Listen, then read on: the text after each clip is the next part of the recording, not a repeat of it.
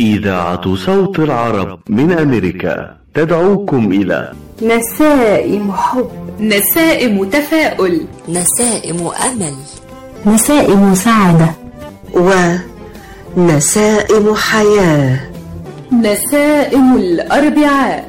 نسائم الأربعاء من إعداد مجدي فكري. مستمعينا الأعزاء أهلا بكم معنا وهذه الحلقة الجديدة من حلقات نسائم الأربعاء حيث يسعدنا أن نصحبكم في هذه الجولة التي تهب علينا نسائمها فتعطر أوقاتنا بأريج المحبة والخير والسلام. نسائم تبعث في النفوس الأمل والتفاؤل وتزرع بداخلنا الأمن والطمأنينة بأن غدا أفضل. نسائم الأربعاء نسائم محبة وسلام تحمل معها الخير والمتعة والفن والثقافة والإبداع. نهديها إليكم عبر أثير إذاعة صوت العرب من أمريكا. خلال هذه الرحلة نقدم لكم مجموعة من الفقرات المتنوعة.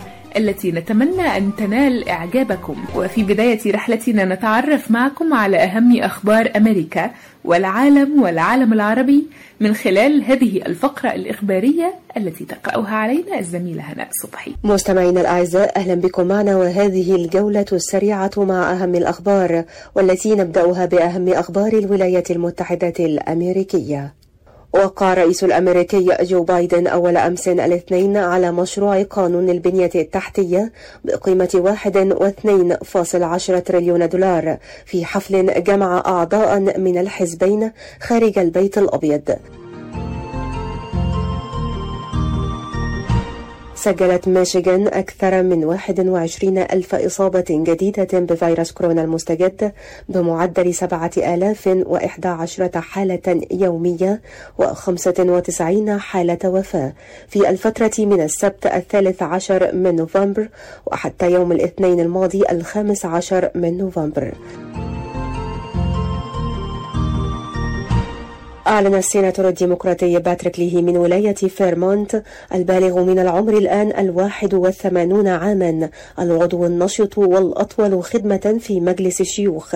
أنه لن يسعى لإعادة انتخابه في عام 2022 بعد أن قضى أكثر من 46 عاما في المجلس. ذكرت الشرطة الأمريكية أن إطلاق نار وقع بالقرب من المدرسة الثانوية في ضاحية أورورا بمدينة دانفر في ولاية كولورادو الأمريكية. نقل على إثره ستة طلاب إلى المستشفى وأن جميع الإصابات لا تهدد الحياة. أدانت الولايات المتحدة بشدة التصرف الخطر الذي أقدمت عليه موسكو أول أمس الاثنين باختبارها صاروخا مضادا للأقمار الاصطناعية محذرة من أن هذه التجربة خلفت آلافا من قطع الحطام والتي تهدد سلامة رواد الفضاء العاملين في محطة الفضاء الدولية. ومن أخبار العالم أعلنت شركة الأدوية الأمريكية فايزر أمس الثلاثاء عن اتفاق للحصول على ترخيص عالمي لعقار ضد فيروس كورونا.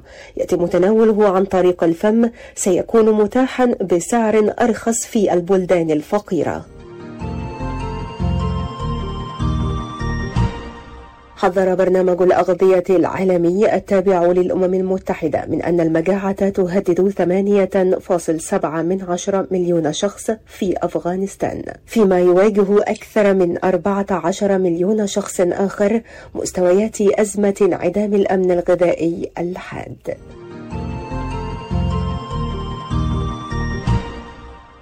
اتفق الرئيس الفرنسي إيمانويل ماكرون ونظيره الروسي فلاديمير بوتين خلال محادثة هاتفية على العمل معا لتهدئة أزمة المهاجرين على الحدود البيلاروسية البولندية ومنع تصاعد التوتر في إمدادات الطاقة وإشراق المفوض السامي للأمم المتحدة لشؤون اللاجئين في تقديم المساعدة الإنسانية. ومن أخبار العالم العربي أعلن قائد الجيش الوطني الليبي المشير خليفة حفتر أمس الثلاثاء ترشحه لانتخابات الرئاسة في ليبيا والمقرر الشهر المقبل. ووعد حفتر الليبيين في كلمة متلفزة بالدفاع عن الثوابت الوطنية وأهمها وحدة ليبيا وسيادتها واستقلالها.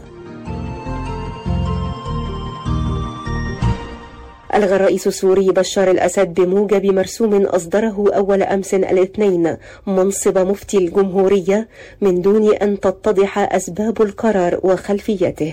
معززا في الوقت ذاته صلاحيات المجلس العلمي الفقهي في وزارة الأوقاف.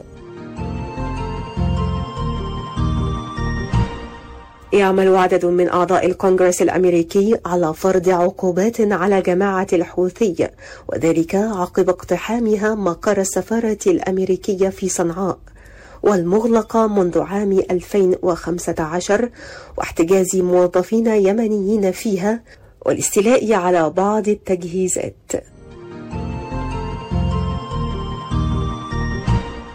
أكد وزير البترول المصري طارق الملا الثلاثاء أن مصر تتوقع بدء تصدير من 60 مليون إلى 65 مليون قدم مكعبة من الغاز يوميا إلى لبنان وذلك بحلول أوائل العام المقبل.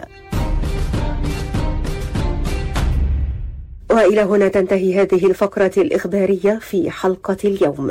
شكرا لكم مستمعينا الأعزاء. حرر لكم هذه النشرة مجدي فكري وقرأتها عليكم هناء صبحي. تضم المدينة المنورة على ساكنها أفضل الصلاة والسلام بين جنباتها المعرض والمتحف الدولي للسيرة النبوية والحضارة الإسلامية ويعرض المتحف تراث المدينة المنورة وتاريخها ويضم مجموعات أثرية مختلفة وصالات عرض بصرية وصور نادرة تتعلق بالمدينة المنورة ولمزيد من المعلومات عن متحف المدينة المنورة تعالوا نذهب إلى المملكة العربية السعودية والزميلة هبة وسام حياكم الله مستمعينا الكرام يا هلا وسهلا فيكم.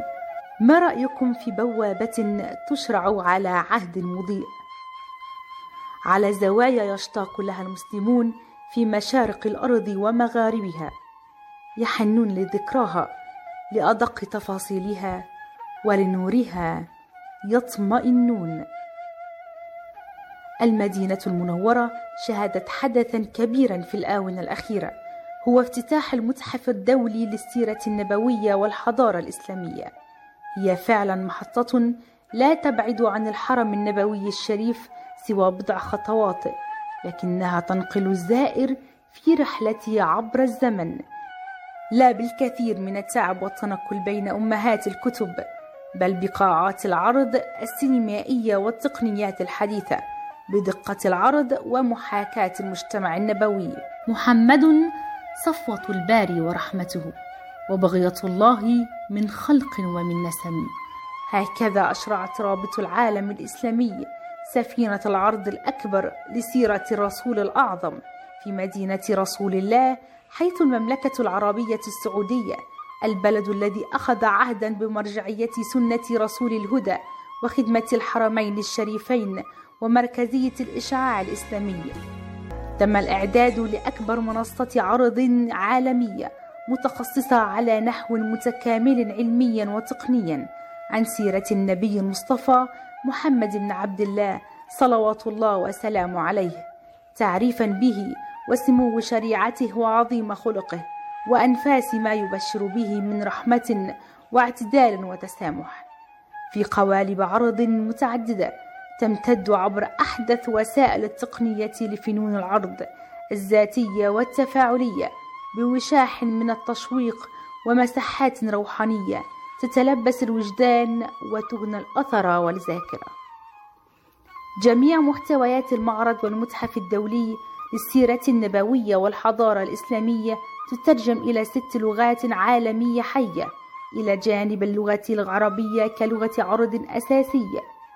خمسة وعشرون جناحا تندرج تحتها عشرات اللوحات والمنصات والمعروضات منها ما يتراوح بين تقديمات عامة إلى ما يسرد وصفا للسيرة والمسيرة وتصويرا لليوميات الكريمة تعريجا على جغرافية الأماكن حينها وإطلالة على كينونة المرأة في حضرة النبي ومسحاته في الهدى والتربية إلى قبسات من تعامل الرسول مع مخالفيه تتويجا بالمتحف الحضاري والمحكى السينمائي نذهب برحلة استثنائية عبر روحانيات الزمان والمكان. من بوابات أول متحف تفاعلي حي للسيرة النبوية هذا المتحف هو مفخرة إسلامية انطلق من المدينة المنورة خطوات قصيرة تفصل العابر إلى أجنحته الثلاثين وبين أحدث شاشته التفاعلية وأكثر من مئة فيلم وثائقي عن دهشة تصنعها دقة العرض وشموله في محاكاة المجتمع النبوي بثلاثمائة وخمسين أسلوب تربوي ووسيلة تعليمية وخمسمائة تحفة أثرية من مقتنيات ذلك العهد الشريف يكاد يلامسها. من أهم وسائل العرض الأطالس العصرية وقاعات العرض السينمائية وكذلك شاشات العرض ثلاثية الأبعاد وتكنولوجيا التصوير التكسيمي وتكنولوجيا الواقع الافتراضي وأيضا الواقع المعزز. سمعينا شكرا لكم. كانت معكم من الرياض عاصمة المملكة العربية السعودية هبة أسامة لراديو صوت العرب من أمريكا. نسائم الأربعاء. حافظوا على صحتكم بالتصدي لكوفيد 19 وأيضا بمواجهة مرض الإنفلونزا الذي يصيب الملايين من الأشخاص معرضا أرواحهم ونظام الرعاية الصحية بأكمله للخطر. احصلوا على لقاح الإنفلونزا الآن فقد ثبت أنه آمن وفعال وأنه يقي ملايين الأشخاص من المرض ويمنع آلاف الحالات من دخول المستشفى، ناهيكم عن تجنب الوفيات في الولايات المتحدة. لابد لكل شخص في عمر ستة أشهر أو أكثر من الحصول على لقاح الإنفلونزا الموسمي حالا لنحمي عمالنا وأولئك الأكثر تعرضا لمضاعفات الإنفلونزا لمن تزيد أعمارهم عن 65 عاما. الأطفال دون الخامسة النساء الحوامل ومن يعاني من ظروف صحية خاصة ساعدونا في مواجهة الإنفلونزا والقضاء عليها. احصلوا على اللقاح لحماية مجتمعكم وأحبابكم. لمزيد من المعلومات زوروا موقع michigan.gov/flu رسالة من وزارة الصحة والخدمات الإنسانية في ولاية ميشيغان. مركز طب رهاب للعلاج الطبيعي بإدارة الدكتور محمد فرح حسين أخصائي العلاج الطبيعي بخبرة أكثر من 13 عاما. طب رهاب يقدم خدمات العلاج الطبيعي وإعادة التأهيل ويضم مجموعة من أفضل أخصائي التشخيص الدقيق للحالات المرضية مع خبرة عالية في التعامل مع الحالات التي تحتاج إلى إعادة تأهيل وعناية خاصة بعد العمليات والكسور.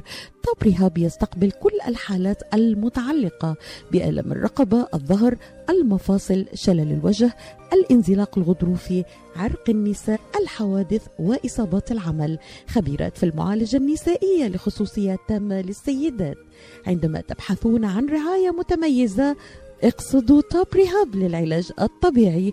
الواقع على 15001 ميشيغان افنيو وللمواعيد اتصلوا على 313 846 0555 That's 846 0555 العطاء قصة رائعة. بدايتها إنسان يهتم ونهايتها إنسان يحتاج. مؤسسة الحياة للإغاثة والتنمية. ومنذ أكثر من 25 عاما تحمل عطاءك إلى من يستحقه ويحتاجه. بغض النظر عن الجنس أو العرق أو الدين فأينما تكون الحاجة. تجد الحياة تقدم المساعدة الطبية والملاجئ وبناء المدارس والأوار الارتوازية وبرامج كفالة عوائل اللاجئين والأيتام وغيرها حسب الحاجة. للمساعدة في استمرار هذا الجهد الكبير امنح تبرعك المعفى من الضرائب اليوم إلى منظمة الحياة للإغاثة والتنمية عبر الموقع www.lifeusa.org أو الاتصال على الرقم المجاني 1-800-827-3543 يوسف الحسن شايفك لازم بيد حلق على إلي ساعة عم بستناك مشان نروح نتغدى بالشام الشام إيه بالشام ومو بالشام شلون صارت هي؟ بدل ما نروح نتغدى بالشام إيه جابوا لنا الأكلات الشامية الطيبة لعنا لهم.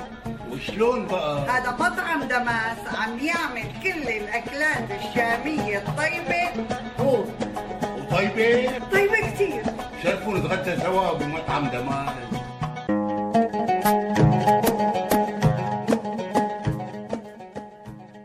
الأكل الشامي الأصيل فقط بدمسكوزين زوروهم على 28841 Orchard Lake بفارمينغتون هيلز ولطلباتكم اتصلوا على 248 987 4609 That's 248 987 دمسكوزين and catering جبنا لكم الشام لعندكم.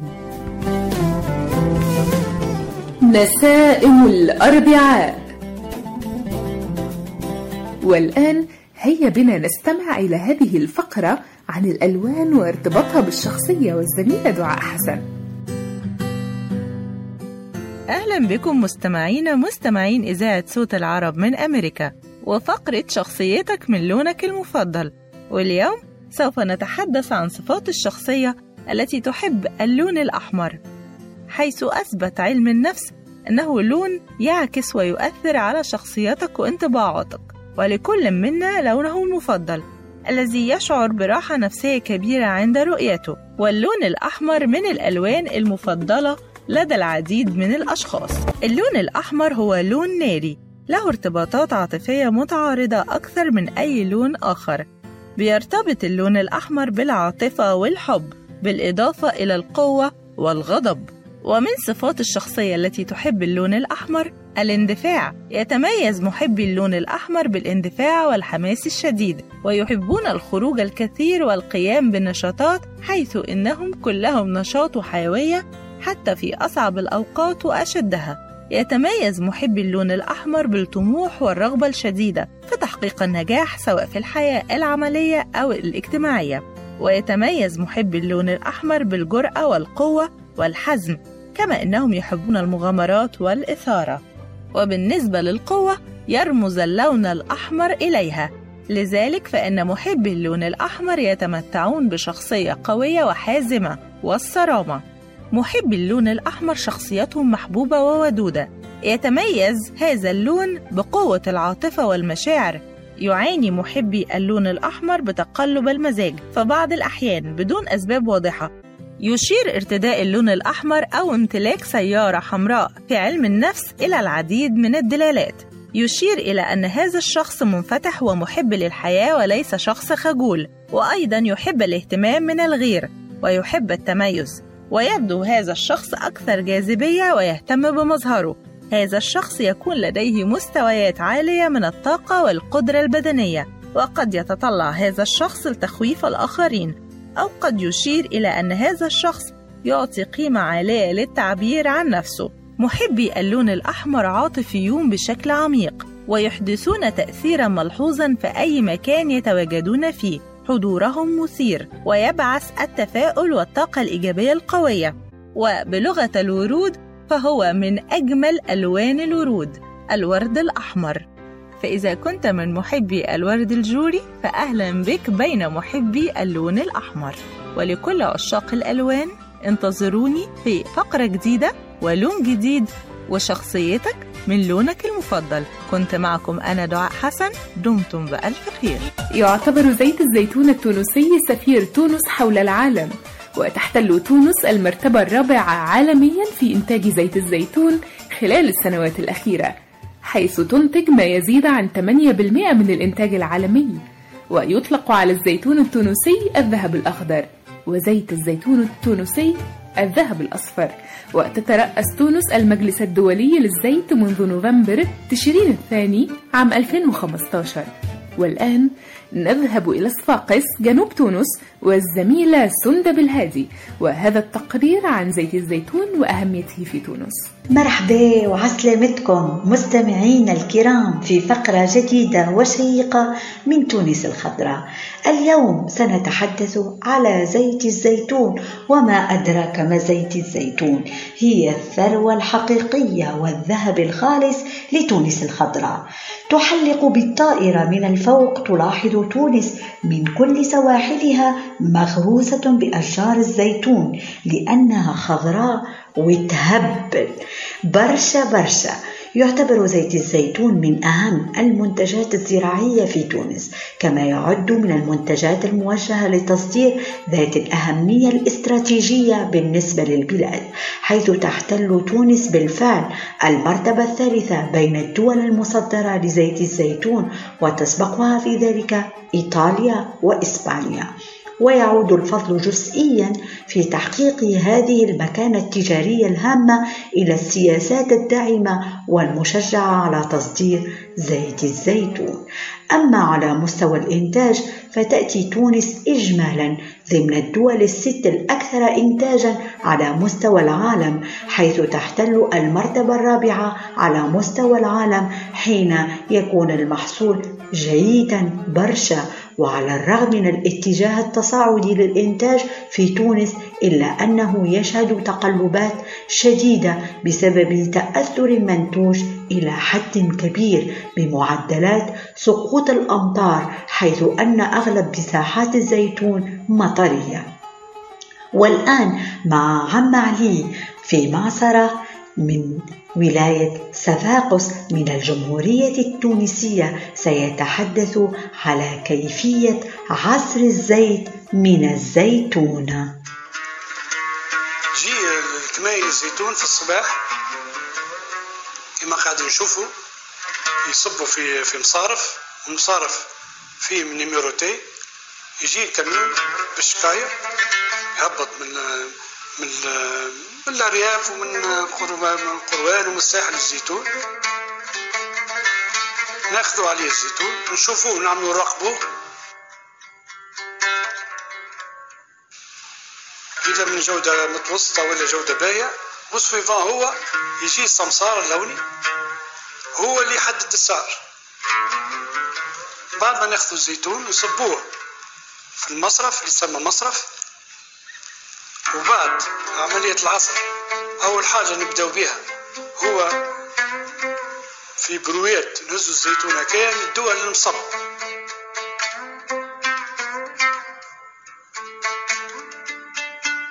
وفي المصب ثم إليس يطلع في حوضة كي الفوق. يقولوا له مصب صب فيه الزيتون. وهيك المصب هكايا كومونيكون الفاز الداخل فيه المدار. المدار الشميش تكون تكون زوز حجرات كبار من الحجر الصم الصحيح يقعدوا يدوروا وتسمى مدار الور كي نصبوا الزيتون غادي يقعد ساعة غير ربع من ساعة غير ربع حتى لساعة. باش حبة الزيتون تولي بات تولي عجين. كي تولي عجين وإحنا نقوموا بعملية تحويل هكا المدار العجين هكا نحلوا الباب ثم باب تحلوه. يصوب العجين في وسط الحوض. يقوموا العمال بتعبيد العجين هكايا في آه واحدة كنتيسك هكايا. هي كانت في الحلفة دولة البلاستيك. تسمى شامية. وكل شامية يعملوا لها سطل كمية معينة من العجين ويوقع آه تعبئتها في في بريسة. كما نشوفوا غادي ثم بريسة.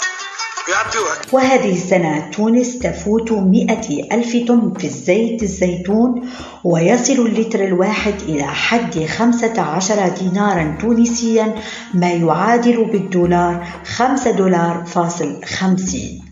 أعزائي تنتهي جولتي معكم بالحب والامتنان من تونس الخضراء.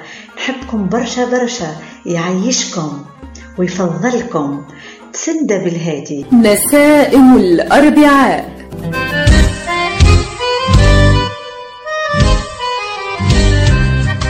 New Concept Products and Design بإدارة ناجي عبود هل تحتاج فتح مطعم؟ هل تحتاج فتح محل المواد الغذائية؟ هل تحتاج تصاميم وخرائط؟ اتصل بناجي عبود على الرقم 734-744-9796 هل تريد شراء معدات المطابخ والمطاعم وبأسعار مخفضة وتسهيلات بالدافع؟ اتصل بناجي عبود الآن على الرقم 734-744-9796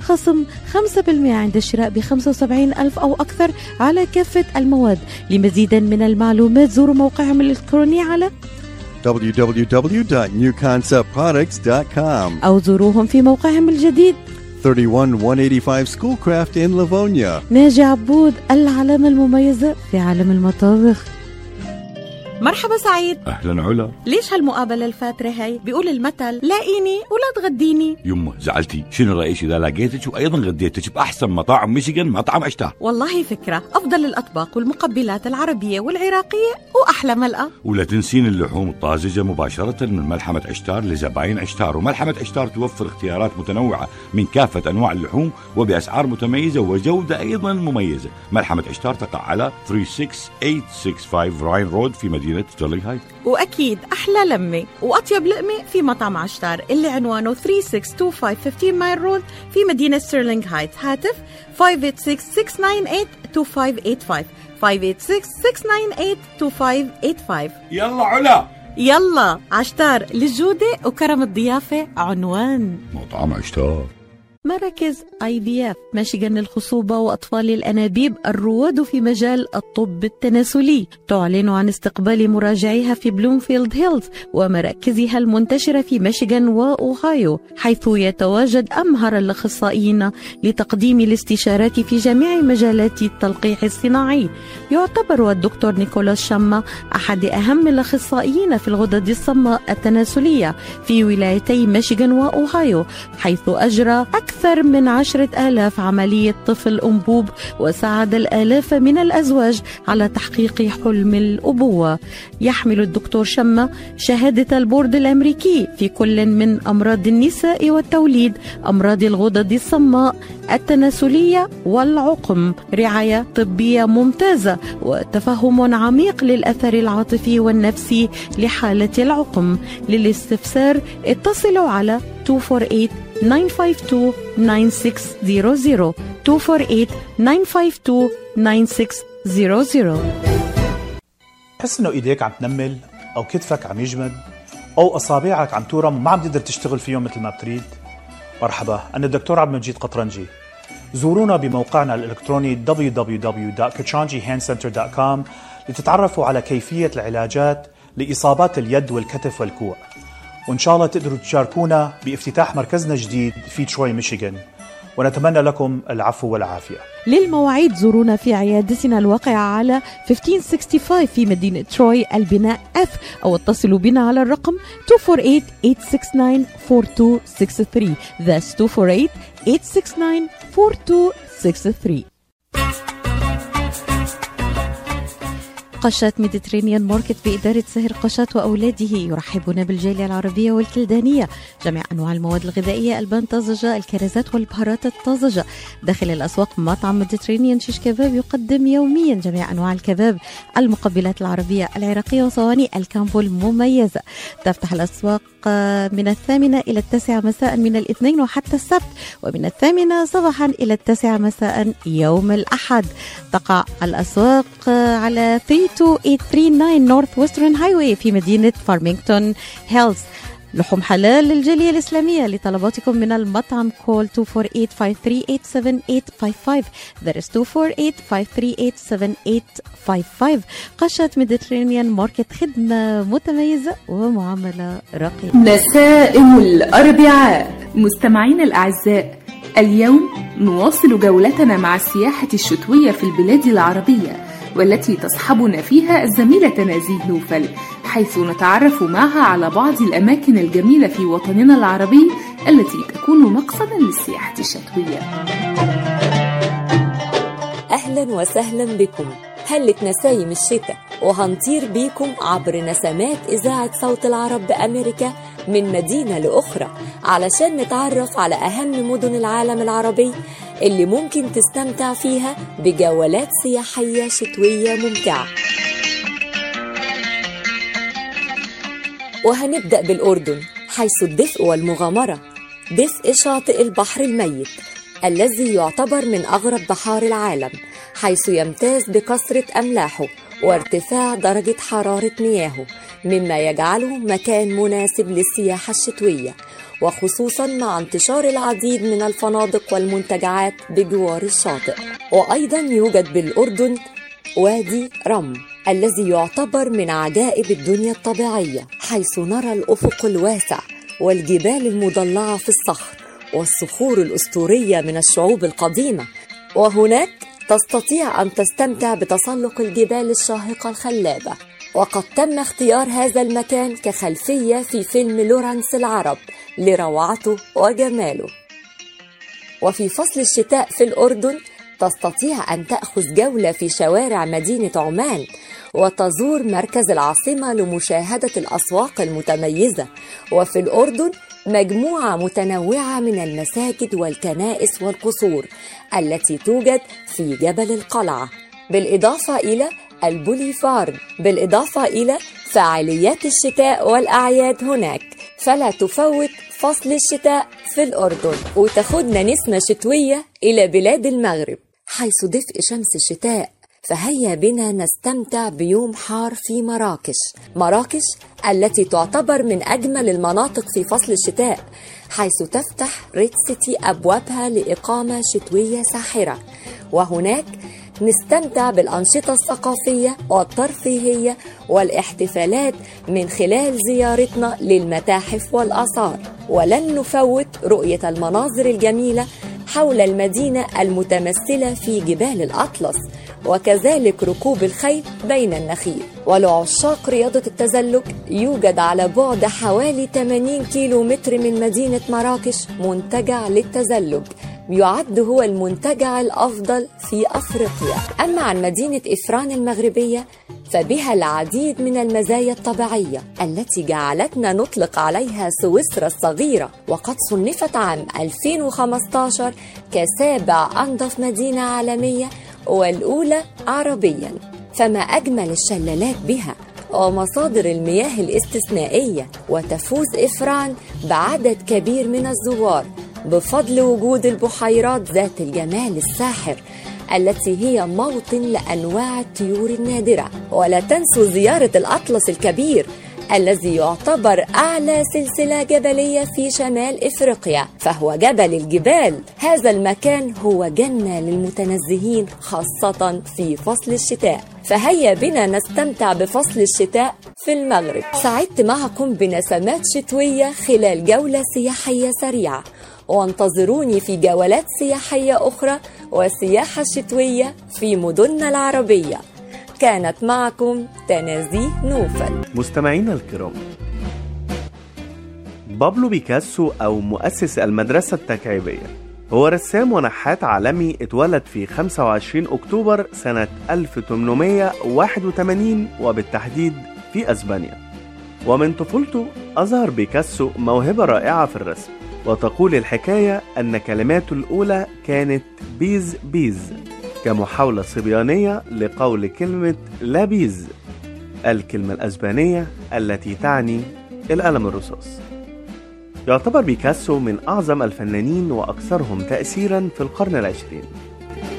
قرب من الثمانين عاما من عمره البالغ 91 عام كرس بيكاسو نفسه لإنتاج أعمال فنية ساهمت بشكل كبير في تطوير الفن الحديث في القرن العشرين. ومن أهم إنجازاته المرحلة الزرقاء ثم المرحلة الوردية ثم المرحلة التكعيبية والتي أصبح رائدها ثم المرحلة الكلاسيكية مع الحرب العالمية الأولى عام 1914 ثم المرحلة السريالية التي انتشرت مع انتشار الحركة الثقافية الجديدة والتي كانت نتاج للمدرسة التكعيبية.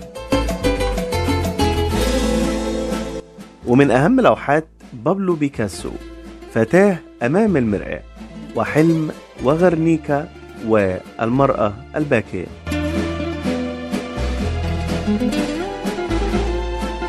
الفن هو الكذبة التي تمكننا من إدراك الحقيقة. بعبارات مؤثرة يختم بابلو بيكاسو عامه الواحد وتسعين ليتوفى في 8 إبريل عام 1973 وقد ترك لنا تاريخ حافل بالأعمال الفنية والإبداع. شكرا لاستماعكم. كان معكم محمد صبري. نسائم الأربعاء. بينما كنا نجلس في بيوتنا مطمئنين كان علماؤنا يعملون ليل نهار لإيجاد لقاح لفيروس كوفيد 19 شكلت الأبحاث التي انطلقت منذ عقود حول أنواع أخرى من فيروس كورونا نقطة بداية في رحلة استغرقت أشهرا من البحث والتطوير بالتعاون مع خبراء من جميع أنحاء العالم. وبعد الحصول على نتائج سريرية واعدة لعشرات آلاف المتطوعين توصل العلماء أخيرا إلى لقاح آمن وفعال حيث تم حتى يومنا هذا تلقيح مئات الآلاف من الأشخاص في ميشيغان والآن أصبح مصيرنا بين أيدينا لنأخذ اللقاح في أول فرصة ممكنة ولنستمر في ارتداء الكمامة ولنأخذ الاحتياطات اللازمة حتى نصل إلى بر الأمان والتحرر من فيروس كورونا. للحصول على أكثر المعلومات مصداقية زوروا الموقع الإلكتروني michigan.gov/covid vaccine. هذه الرسالة بدعم من وزارة الصحة والخدمات الإنسانية في ولاية ميشيغان لتحضري عشاء طيب وسفرة ملكية منقدم لك تشكيلة متنوعة وغنية مربيات كبيس وحمص بطحيني الجودة عالية والمنتجات صحية الشكل مثل الخيال والريحة شهية لتطلع سفرتك لوحة فنية زياد لقمة هنية وطعمة أصلية. منتجات زياد من عائلتنا إلى عائلتكم. حكي معقولة فهم في العين وافهم كمان في ومن بمثل خبرة الدكتور عماد نقاش أستاذ الطب وجراحة العيون في جامعة وين. خبرة طويلة في التعامل مع أمراض العيون وجراحتها عمليات تعديل وتصفية النظر إزالة الماء الأبيض والأسود الجلوكوما وتصحيح النظر من أثار مرض السكر.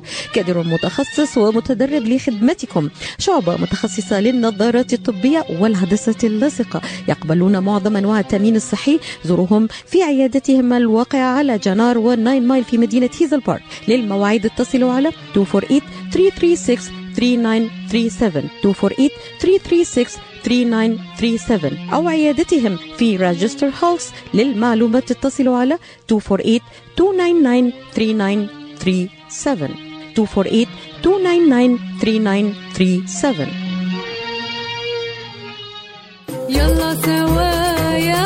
يا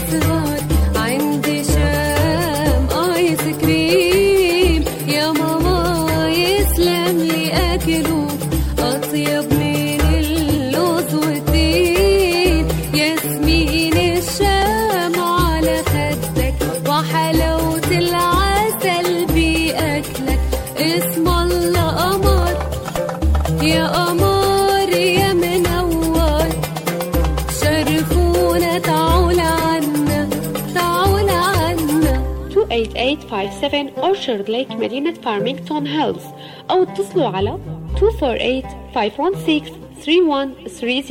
نسائم الأربعاء. والآن نعيش مع فقرة الذكريات الفنية وحكاية جديدة للمؤرخ الفني الأستاذ عصام محمود.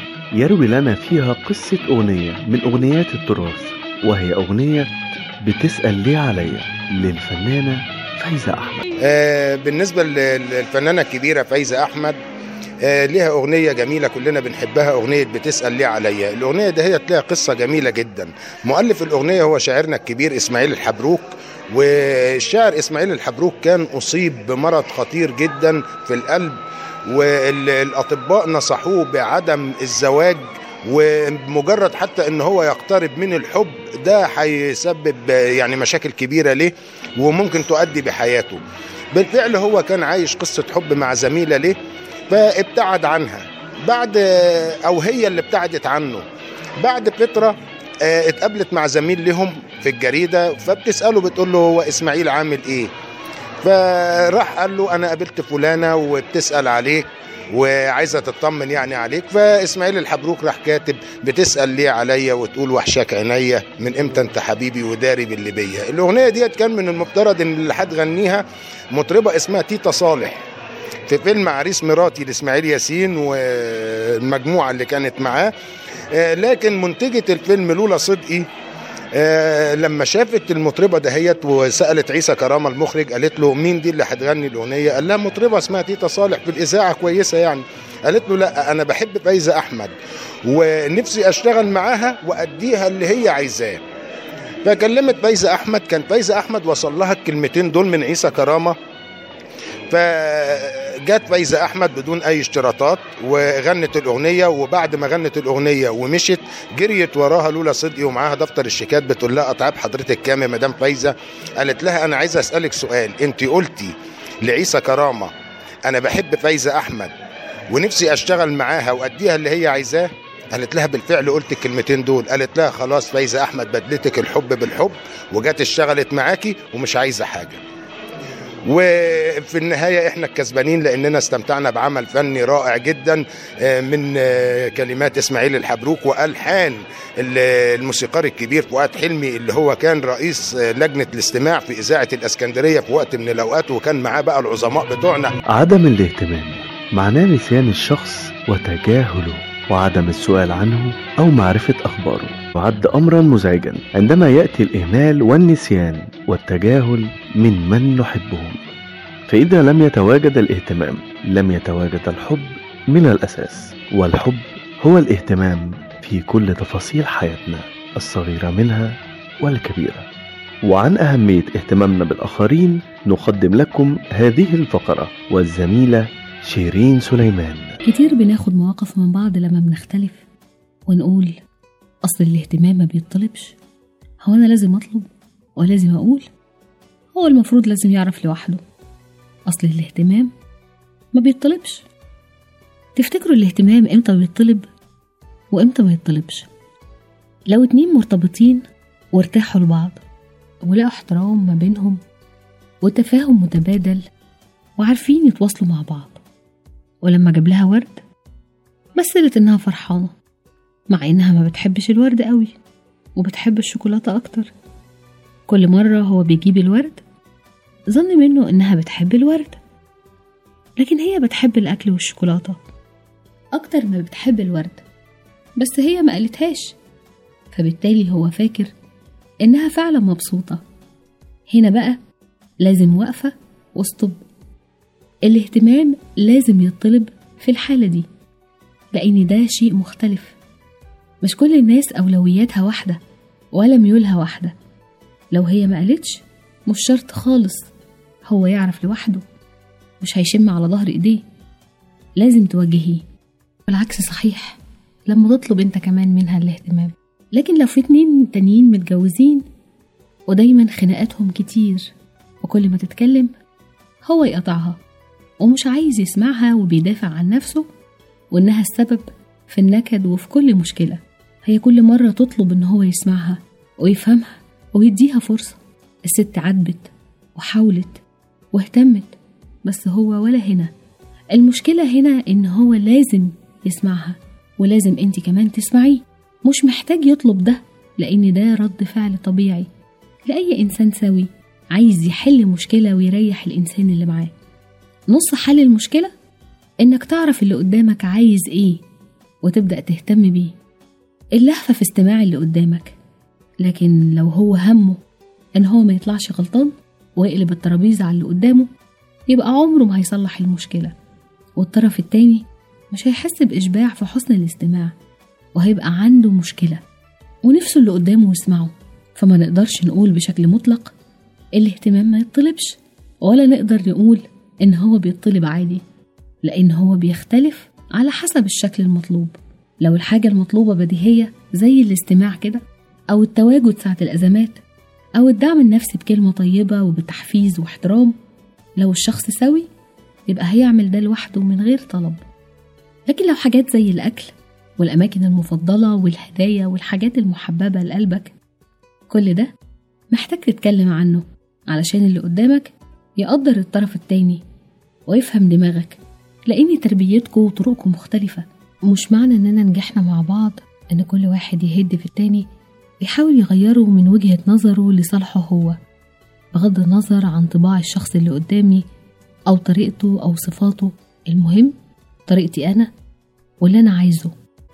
على فكرة العلاقات السوية أهم حاجة بتميزها التفاهم المتبادل.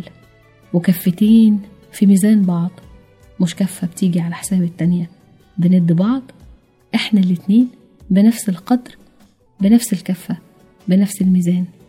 لو كفة زادت عن التانية اتأكد إن في حاجة غلط وإن العلاقة دي مش سوية ومش هتكمل كتير مهما طولت ومهما حاولت. يبقى الاهتمام هنا بيطلب ولا ما بيطلبش؟ شيرين سليمان. شكرا لكم مستمعينا الأعزاء. وانتظرونا في نفس هذا الموعد الأربعاء القادم إن شاء الله. مع تحيات فريق العمل. التقديم محمد صبري شيرين سليمان دعاء حسن تنازيه نوفل هبة أسامة هناء صبحي وهذه أرق تحياتي فرح الأعصر نسائم الأربعاء. نسائم الأربعاء من إعداد مجدي فكري.